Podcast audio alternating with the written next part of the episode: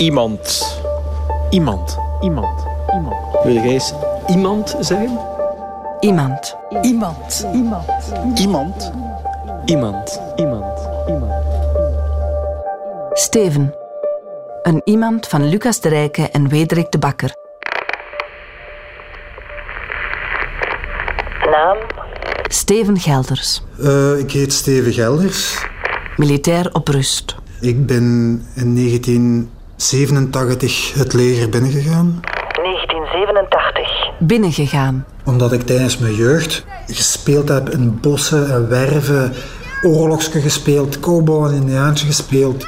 En voor mij was dat een beetje een verlengstuk van mijn jeugd. In het leger kunnen doen Daar kunnen doen zoals in zijn jeugd. wat ik vroeger altijd gedaan had. Zo simpel is dat. Begonnen als militair. Para geworden. Bij de Special Forces gegaan. Overal op missie geweest. Somalië, Rwanda, Kosovo, Afghanistan. Tijdens een missies voert je alle soorten dingen uit. Dat gaat van spionage, sabotage, gegijzelden gaan bevrijden. De Special Forces is leven van extreme. En ik leef voor extreme. Nu nog altijd. Zaire, Operatie Bluebeam, 1991. Somalië, Operatie Restore Hope, 1992. Rwanda, Operatie Unamir, 1993. Burundi. Détachement Agent Sécurité, 1996. Opnieuw Zaire, Kosovo, Afghanistan. Ik heb heel veel kogels rond mijn hoofd horen fluiten. hè. Heel, heel veel. Zowel in Somalië als in Zaire. Dat was drie uur aan een stuk. Dat ze gewoon van links, rechts, van voor en van achter. Dat de kogels voorbij vloot. Meestal was dat waarschijnlijk niet echt gericht op ons. Maar ja, je zit ergens aan een front, er wordt geschoten. eh, je moet reageren. Je moet mensen uitschakelen die op je aan het schieten zijn. Moeilijk werk, op moeilijke plekken. Ik ben opgeleid, zoals alle soldaten, om te doden als het nodig is. Voor een gewone soldaat is dat minder expliciet. Voor de Special Forces dat heel doorgedreven, heel extreem. Training om mensen te kunnen doden, maar ook om mensen te helpen. Als je op missie gaat, zit je soldaat en mens. Dat wil zeggen dat je tegen de mensen normaal moet reageren, alsof dat iemand is die je door een dag tegenkomt. Na meer dan 20 jaar militaire dienst wordt Steven vervroegd op pensioen gesteld. Sindsdien is hij huisvader.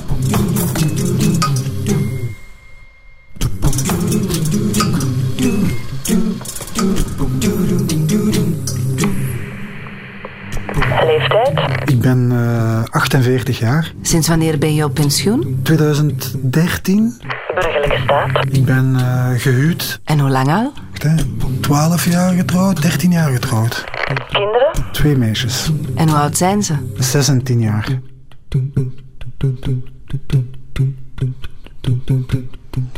Als ik terugkijk naar Somalië, in een oorlog waar onze vijand bendes waren, die geen militaire wetten hadden en die volgens de conventie van Den Haag of Genève werkten. Dat waren gewoon pure rebellen. Die vielen aan, een paar schoten en die verdwenen terug. Zo'n onzichtbare vijand, daar word je zot van, hè. Dat is geen oorlog, hè. Die mannen doen aanvallen, die trekken zich terug. S'nachts, pikdonker, die schieten en die gaan weg. Dat is vreselijk voor een soldaat, hè. Die kunnen vechten, geen vijand zien. En toch de angst hebben van wie, van waar komen ze en, en eh, wat gaat er gebeuren. En de kogels wel horen vliegen langs je kop en boven je hoofd. Maar niet weten waar die vandaan komt.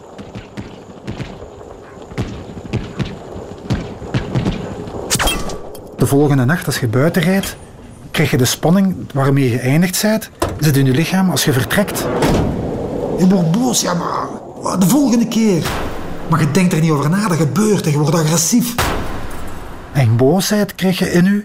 Het moment dat je dan in contact komt met mensen die dingen gedaan hebben, of als je iemand kunt rapperen die bij die was die de stad heeft aangevallen, dan is het eigenlijk niet abnormaal dat je die hard aanpakt.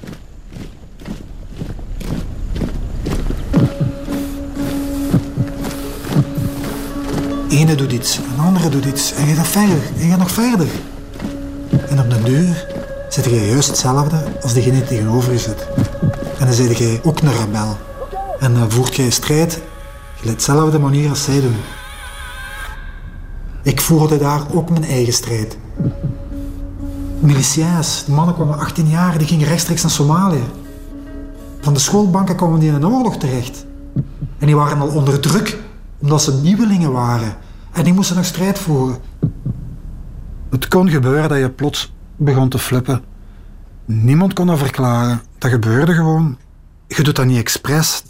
Dat is iets wat u overkomt.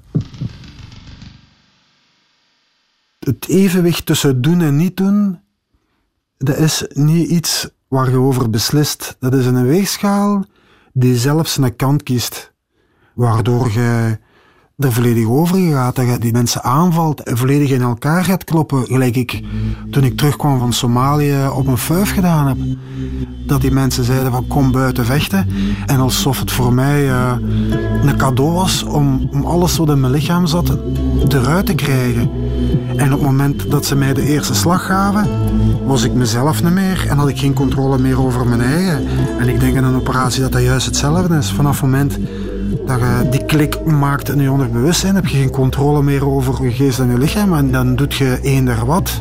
Dan begint je in razernij op iemand te slaan die zich niet kan verdedigen, of misschien zelf wel kan verdedigen. Het einde is daar niet in zicht. Waarom denk je dat iemand dat doet? Je kiest er niet voor. Je zit in de scouts, je hebt kinderen en thuis, verantwoordelijkheid. Volgens mij heeft iedereen die in dezelfde situaties gezeten heeft als ik, er op een of andere manier een probleem mee. Ik kan me moeilijk inbeelden dat je bij het meemaken van zulke dingen er heel huids uitkomt. Soldaten in zulke situaties, die veranderen. Je zit in een traumatische ervaring. Je doet dingen die totaal afwijken van je eigen leefwereld in België. En dat verandert je als mens totaal. Ik heb dat gezien, hè? mensen die een gewone leven, familie, vrienden, kinderen, heel normaal. En op missie in verval geraken. Eigenlijk zijn de omstandigheden die je zo ver brengen, mentale, emotionele druk. Eigenlijk kunnen ze er niet aan doen. Hoe verder dat je de lijn passeert, hoe langer dat u blijft achtervolgen. Dat zijn beelden, dat zijn geluiden die later in uw leven nog wel terugkomen. Hè? Niet exacte beelden van dat moment, nee. Iets vergelijkbaars in het gewone leven wat u doet triggeren aan, aan een situatie vroeger.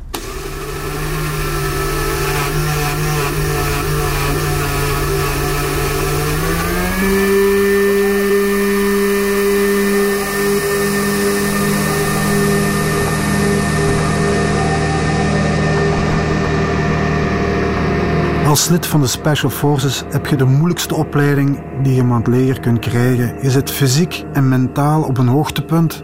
En ene keer als je dat bereikt hebt, dan voelt je je onverslaanbaar. Je gaat dan op missie maanden aan een stuk 24 op 24 uur beschikbaar, actie, adrenaline. En dan kom je terug thuis in België en dan is er niks, niks om je bezig te houden. Dat maakte mij verschrikkelijk angstig.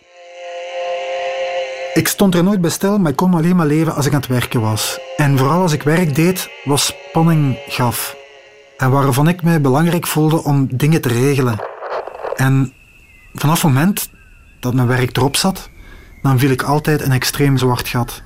En dat was alsof dat ik werd aangetrokken om te verdwijnen. Het was alles of niks. Als je bij het leger gaat, bij de paras of bij de special forces, maak je dingen mee. En bij de Special Forces is dat heel, heel veel. Heel emotionele dingen. Dat kinderen die ontploffen, mensen die verkracht zijn, dode mensen, gestenigde mensen. Dus je kunt op missie gaan, maar je moet terugkomen. En dat terugkomen vraagt een strijd met jezelf om dat te verwerken. En naar lang dat je dat uitvoert, krijg je vroeg of laat toch je krak. Mijn leven was elke dag doorkomen. Ik moest constant bezig zijn om die emoties en die gevoelens terug te verdrukken die tevoorschijn kwamen. Maar als ik dan niet bezig was, dan moest ik verdwijnen, want dan begon ik te trillen. Dat was al jaren bezig dat ik het gevoel had van er klopt iets niet. Het ging me niet. Ik zonderde mij volledig af van alles en overal. Het was voor mij ofwel bezig zijn met de mensen rondom mij, ofwel volledig weg zijn van de wereld. Eind jaren 90, ik was achteraan in de twintig. Ik zat in het leger, ik had een goed loon, extra premies. Maar ik heb nooit niks gekocht. Geen auto, geen huis, geen kleren. Ik bezat echt totaal niets. Ik leefde echt gelijk een clochard. Twee broeken, twee truien, een jas, een paar kousen. Ik vond wel eten en een dag daarna was het opnieuw en ik heb zo jaren geleefd. Tussen de missies door was dat dagen vullen. Ik verveelde mij, ik had toen nog geen vrouw, geen huis, niks om op terug te vallen. Soms was het dat ik eh, voor 20 euro een hotelovernachting nam, zo het goedkoopste hotel. Of dat ik in chauffagekelders van de koten ging liggen. Of in een liftkokers of plaatsen waar niemand was. Of in tuinen in de zomer. Dat ik daar eh, tussen de struiken ging liggen en dat ik ging slapen. Hè. Maar dat moest vooral een plaats zijn waar niemand mij zou zien, niemand mij zou storen. En eh, zo heb ik eigenlijk geleefd tot ik mijn vrouw heb leren kennen. En de dag dat ik mijn vrouw heb leren kennen, is dat gestopt.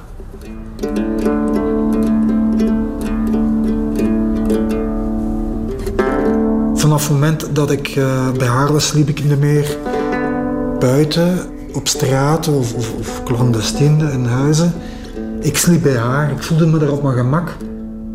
Voor mij was mijn vrouw iets wat gezonden werd om mij op dat moment bij te staan.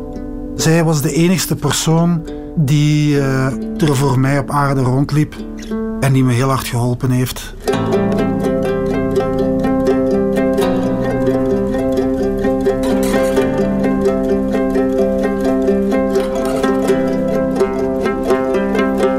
Ik voelde me nog altijd hetzelfde als ervoor, maar ik had een plaats gevonden waar ik een beetje tot rust kon komen. Maar ik had nog altijd heel veel momenten dat ik het moeilijk had, en vooral als mijn vrouw er niet was. Als mijn vrouw er niet was, dan verdween ik terug in de anonimiteit en uh, mijn vrouw heeft dat ook heel lang niet geweten waar ik naartoe ging en wat ik deed. Totdat ik het zelf gezegd heb wat ik in de tussentijd deed. De tussentijd is de leegte opvullen met iets dat je geest tegen 200 per uur bezighoudt. in mijn geval was dat gokken. Ik heb in heel de wereld gegokt, overal als ik op missies was.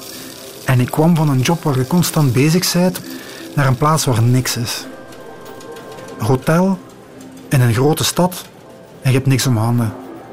En dat was voor mij de enigste manier om mijn geest af te leiden, zodat ik gefocust was op iets zolang dat ik het nodig had. Bij gokken heb je een snelheid erin en niet gokken aan speeltafels, hè, want dat gaat veel te traag. Hè. En het gaat ook niet om geld. Hè. Het gaat er eigenlijk om de uren die gevuld moeten worden te vullen. En vanaf het moment dat ik terug iets had wat ik moest doen, van werk of zo, dan was dat verdwenen. En dan was ik eigenlijk tegen dezelfde snelheid aan het werken. Dat is al jaren dat ik dat niet meer doe. Dat is toch een goed teken dat ik mijn eigen tot rust kan brengen in het gewone leven. Nu heb ik genoeg kracht om mij terug op aarde te brengen. De dag van vandaag is mijn dag, als mijn kinderen thuis zijn, heel strikt uh, ingedeeld. 7,50 euro. Opstaan. Mijn ervaring is dat ik er te lang tijd voor neem, dan gebeurt alles veel trager. Dan is er te veel eh, rustperiodes voor de kinderen. 8,20 uur. Vertrekken. Op de half uur tijd zijn mijn kinderen wakker, aangekleed, tanden gepoetst, geëten. De boekentassen staan klaar, het eten is gemaakt en zitten we in de auto. 8,35 uur. Kinderen op school. Als ik kinderen heb afgezet, is het voor mij toch wel belangrijk dat als ik thuis kom, dat ik moet maken dat ik mij goed bezig hou totdat ik mijn kinderen terug van school haal. Want dat zijn altijd de moeilijkste periodes. Heel alleen zijn, zonder dat er iemand rond is, zonder verplichtingen. Dat is een opening van een gat waar je kunt invallen en je moet proberen er rond te lopen. Hè? En dat wil zeggen dan als je erin valt dat je rot slecht voelt. 3 uur 30. Kinderen ophalen. Het voordeel daarvan is dat mijn kinderen, doordat ze dat weten, ook heel gestructureerd zijn. Die nemen heel veel van mij over. In het huishouden is het ook zo. Ze zien me altijd bezig. 7 uur. Avondeten. We eten wel vrij laat, half zeven, zeven uur. En ik ben geen kok. En dan mogen ze op een gemak totdat ik eh, rond een uur of 8 uur. acht samen met hun eh, naar boven ga. Slapen. Er zijn vele dagen in de week dat ik eh bijna rond dezelfde tijd ga slapen als mijn kinderen. Dat ik eh, zo uitgeput ben dat ik zelfs moeite moet doen om me wakker te houden totdat mijn kinderen volledig slapen.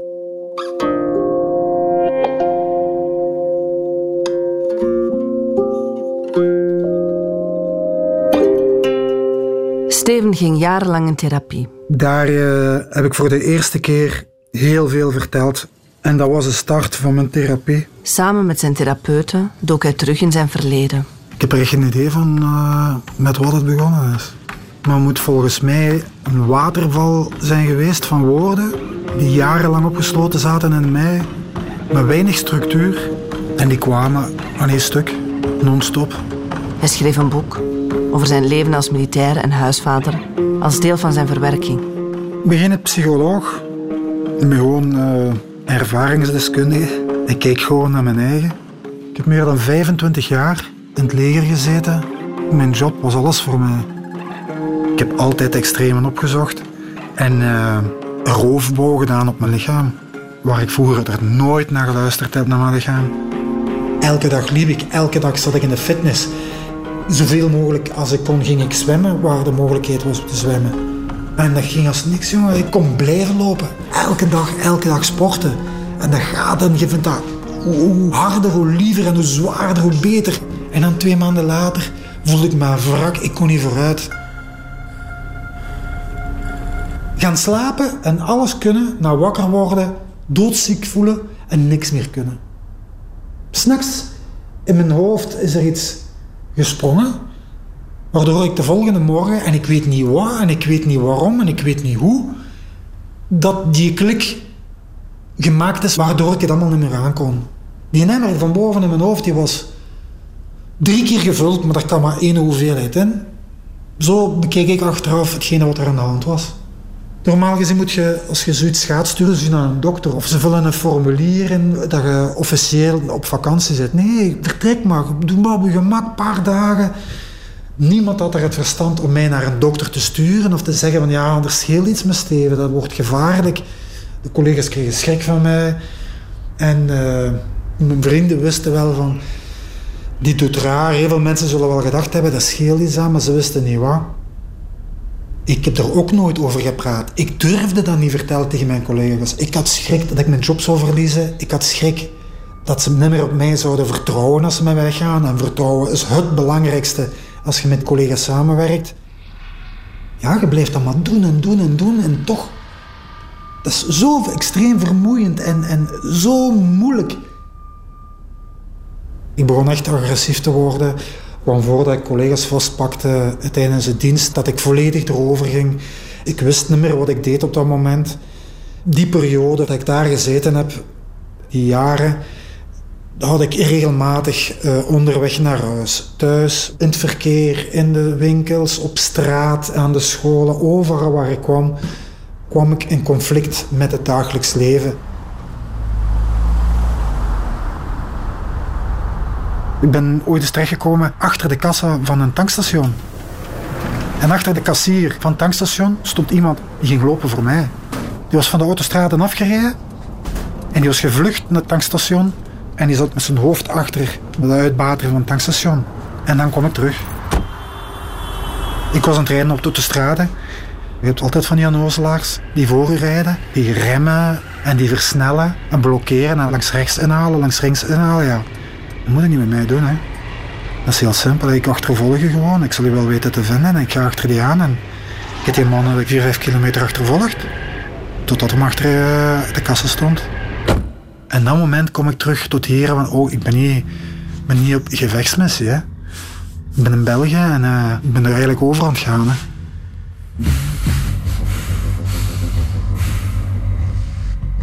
Gelukkig voor mij zijn de meeste reacties dat mensen op dat moment zo verschieten dat die niks durven zeggen. Die blokkeren volledig. En doordat die blokkeren en zwijgen, kom ik terug op aarde terecht en zie ik mijn omgeving terug. En dan, schrik ik van mijn eigen en dan uh, zeg ik van, oh shit. En dan bekom ik. Ik heb kruispunten stilgelegd, uitgestapt, mensen uit een auto getrokken. Zo zijn er honderden dingen, duizenden dingen de voorbije jaren. In België, in Nederland. Dan pak ik een hele dag mee, soms twee dagen, soms drie dagen, dat ik ermee rondloop. Dat ik er spijt van heb, dat ik mijn eigen zo op uitvergroot en dat ik dat gedaan heb. Waarom heb ik daar zo fel op gereageerd? Op iets wat voor een normale mens uh, gewoon is en voor mij iets uitzonderlijk.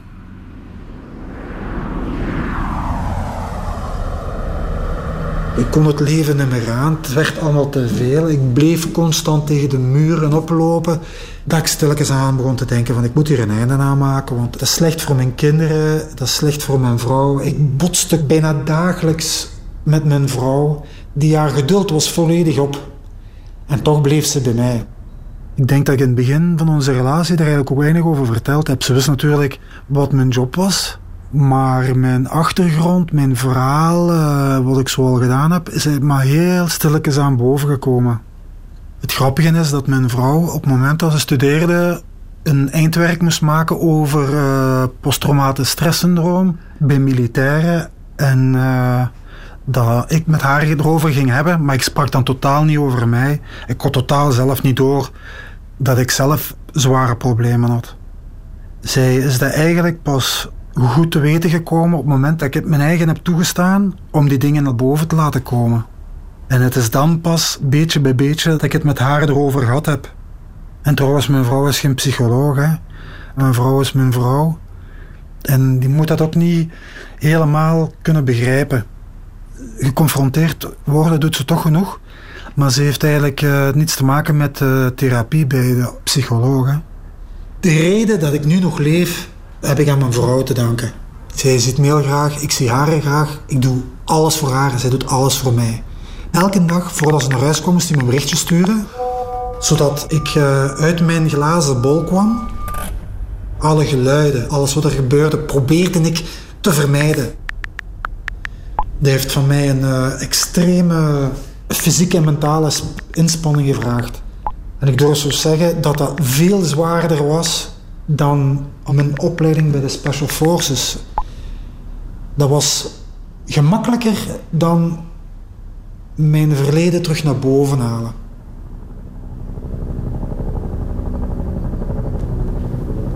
Ik voel dat wel. De spanning komt, uh, de spanning komt op mijn borstbeen en op mijn, in mijn hoofd. Als ik zo heel diep durf gaan, dan. Uh, ik laat de spanning ver komen en mijn lichaam reageert erop. Aan mijn borstbeen begin ik dan spanning te voelen. En dan begint dan te steken hier. En een druk op mijn hoofd. Uh, zoals dat er iemand zegt van, oh, stoppen. Ja, maar dat moet niet stoppen, hè. Is uh, de bedoeling dat ik, dat ik uh, daarmee leer leren, hè, tegen mijn spanning.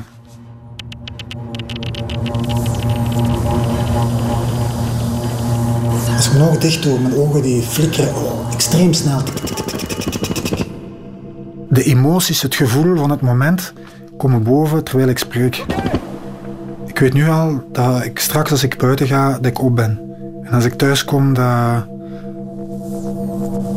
ik even tot rust moet gaan komen voordat ik uh, kan gaan slapen. Het begint echt heel fel te worden. Misschien is het moment ook... Uh, Om te stoppen? Ja. Het zal wel dan stoppen.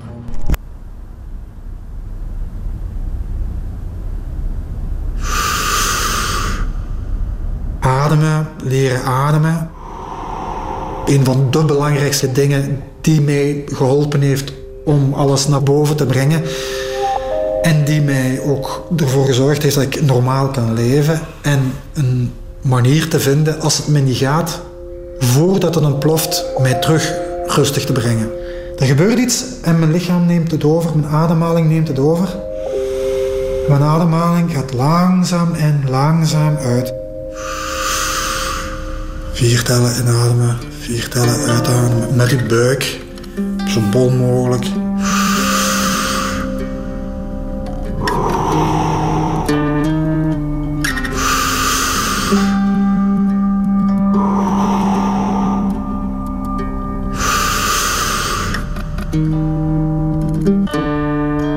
Voorstellen, mensen die naar situaties gaan die eh, ultiem extreem zijn. Hè? Mensen proberen je te doden. Er gebeuren ontploffingen, dus worden geschoten, weet ik veel wat allemaal. Je ziet doden, je ziet gewonden. En, en je ziet angst. En je hebt dat niet onder controle. Je vergelijkt als militair.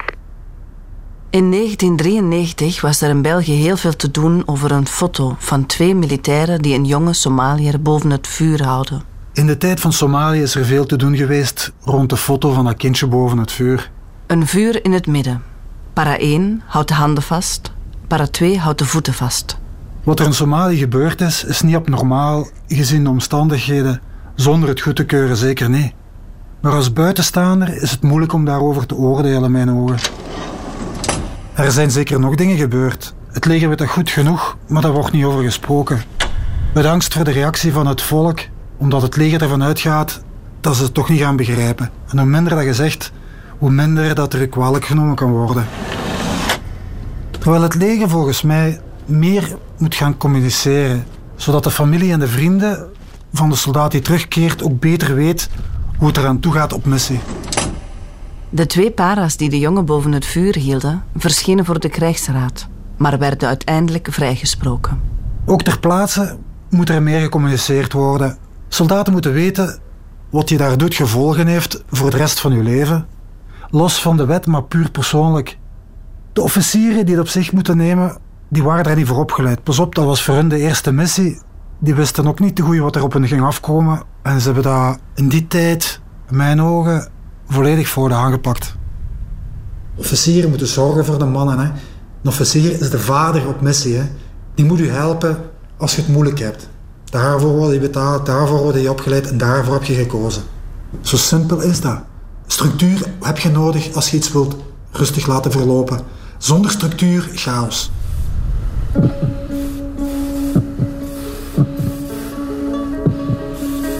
Alle trauma's die je op missie meemaakt, pak je mee voor de rest van je leven. Want ik wil niet dat mensen terugkomen die getraumatiseerd zijn, gelijk mij. Dat als ik op de boekenbeurs sta en de ouders komen naar mij. Dag meneer, ik kom uw boek kopen. Want mijn zoon heeft zoveel jaar geleden zelfmoord gepleegd. Ah, wie is dat? Ah, den die. Dat is een collega van mij. En den die.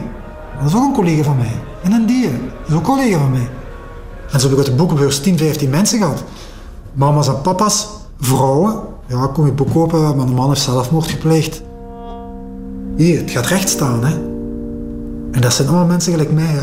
Allemaal die zoveel dingen hebben meegemaakt en die er niks aan hebben kunnen doen, hè. Je kunt daar niet over vertellen. Je hebt dat niet expres gedaan, je hebt er geweten over. Je kunt dat niet tegen iemand vertellen, want ze bekijken je scheef. Als je er niet bij bent, kun je dat niet begrijpen. En onder elkaar wordt er niet over gepraat.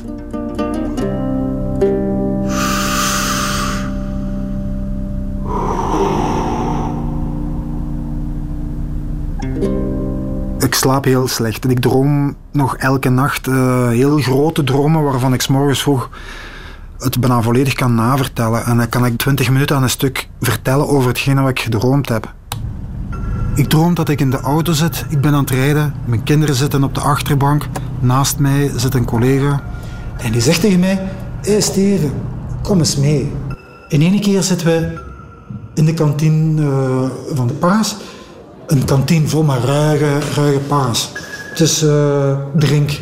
En ik zit er met mijn twee kinderen. En ik weet hoe dat vroeger was. Die mannen drinken en dan woordenwisselingen. En regelmatig wordt er wel gevochten. Maar mijn kinderen zijn erbij. En de spanning staat te stijgen. Er, is iets, er gaat iets gebeuren met mijn kinderen, maar ik weet niet goed wat. En één keer zegt, een, zegt die kerel tegen mij... Hé hey Steven, er is iets binnengekomen, een missie. Kom je mij helpen? En ik zeg ja.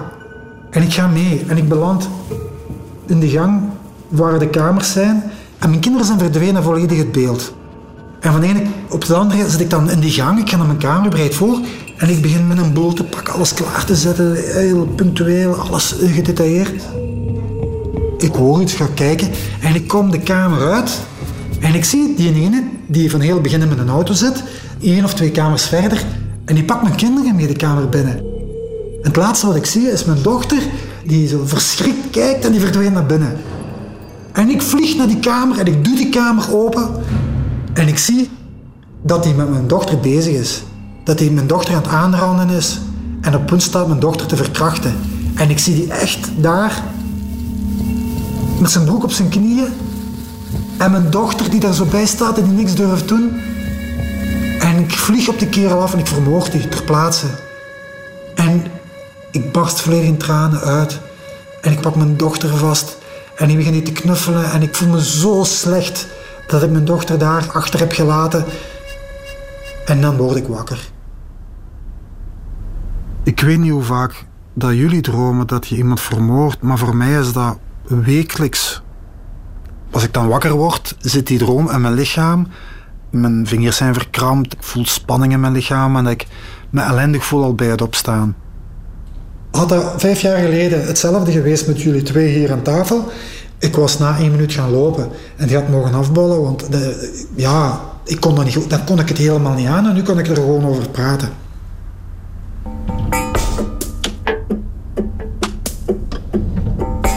Mijn groot probleem is in mijn leven dat ik niet kan doseren. Dat is een gevolg van misschien mijn karakter en mijn opleiding bij de paras en bij de special forces. Dat ervoor gezorgd heeft dat ik geleerd heb om altijd maar verder te gaan en verder te gaan. Hoe zwaar en hoe moeilijk en hoe intensief het ook is. En ik heb dat de dag van vandaag nog altijd in mijn eigen leven, in het huishouden. Als het nu gaat over strijken, het huis poetsen, tuinwerken, weet ik veel wat. Alles wat ik doe, is altijd extreem. Als ik aan het poetsen ben of in de tuin aan het werken ben, ik ben altijd tegen 200 per uur aan het werken. Gelijk een bezetene ben ik hier altijd bezig. Ik doe wat een normale mens op, op twee, drie dagen doet, doe ik op één dag. Ja, ik moet dat zo doen. Ik vind het ook fijn. Ik kan dat niet traag doen. Ik ben huisvader. Mijn missie is om huisvader te zijn. En dat bestaat uit maken dat de kinderen naar school gaan, dat die boterhammen mee hebben, dat de afwas gedaan is s'avonds, strijk, de was. Strijken is een deel van mijn missie. Als ik strijk, dat is dat gedetailleerd. Van het eerste wat ik in mijn handen heb tot het laatste. En ik stop als het volledig gedaan is. Ik neem geen seconde rust. Dat is echt van nemen, bezig zijn, klaar, oplooien, mooi, terug het volgende. Ja, ik kan daar niet nonchalant in zijn. En zoals in heel het huishouden, zoals in mijn werk vroeger. Het maakt niet uit wat ik aan het doen ben. Dat moet altijd zo extreem zijn. Elk dingetje wat in mijn tuin gedaan is, heb ik met de hand gedaan. Ik heb misschien 20 containers met de hand uitgeschupt uit mijn tuin en met de hand in de container gedaan. En nog eens 20 containers met de hand uitgeschupt en terug in mijn tuin gedaan. Als ik ooit een zwembad zet, graaf ik elke schub zand met de hand uit. En mogen dat 100 kub zijn wat ik eruit moet halen. Ik doe het met de hand. En dat is mijn leven. Niemand pakt mij dat af, zo'n leven. Want stilzitten, dat gaat niet. En als ik me niet kan bezighouden, dan lukt het helemaal niet. Dat zijn de momenten dat ik mij nog slechter voel. Als mijn kinderen de dag van vandaag plots heel veel lawaai maken, dat slaat bij mij al volledig over. Hè. Dan raak ik bijna volledig in paniek, waar ik dan ook op hun afreageer.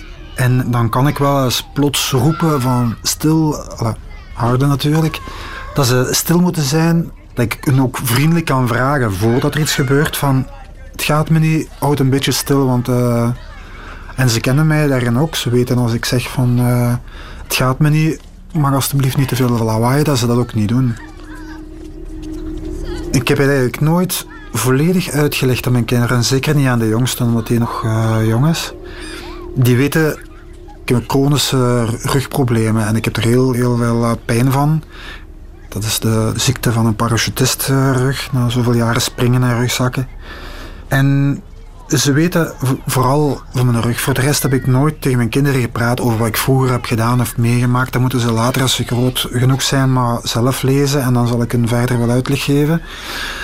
Maar ik gebruik dat als reden zodat mijn kinderen beseffen dat op dat moment het nodig is om mij met rust te laten.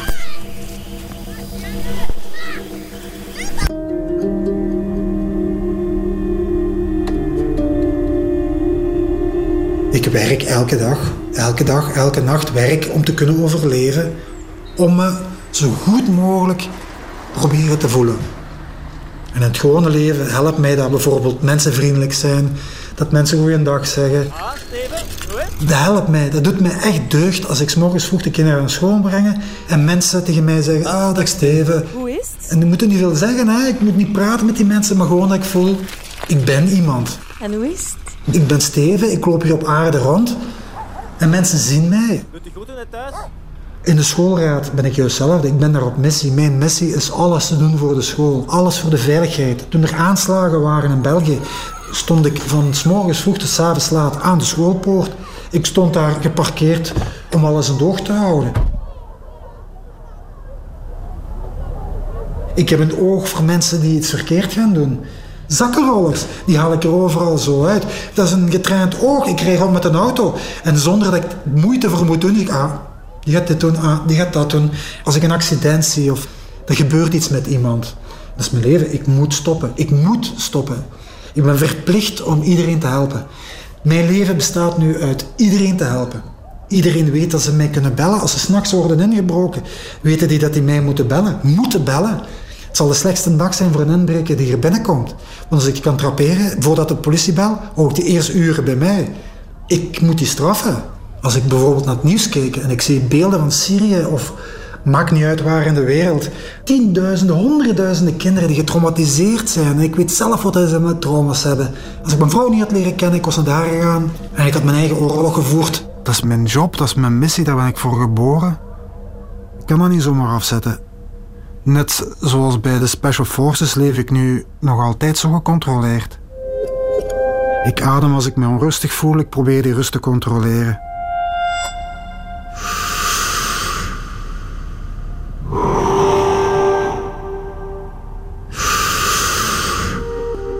Doordat je langzaam in en uitademt, met je buik, helemaal tot op het einde gaan en langzaam helemaal terug inademen, dat ik mijn lichaam volledig kan laten wegzinken in de grond.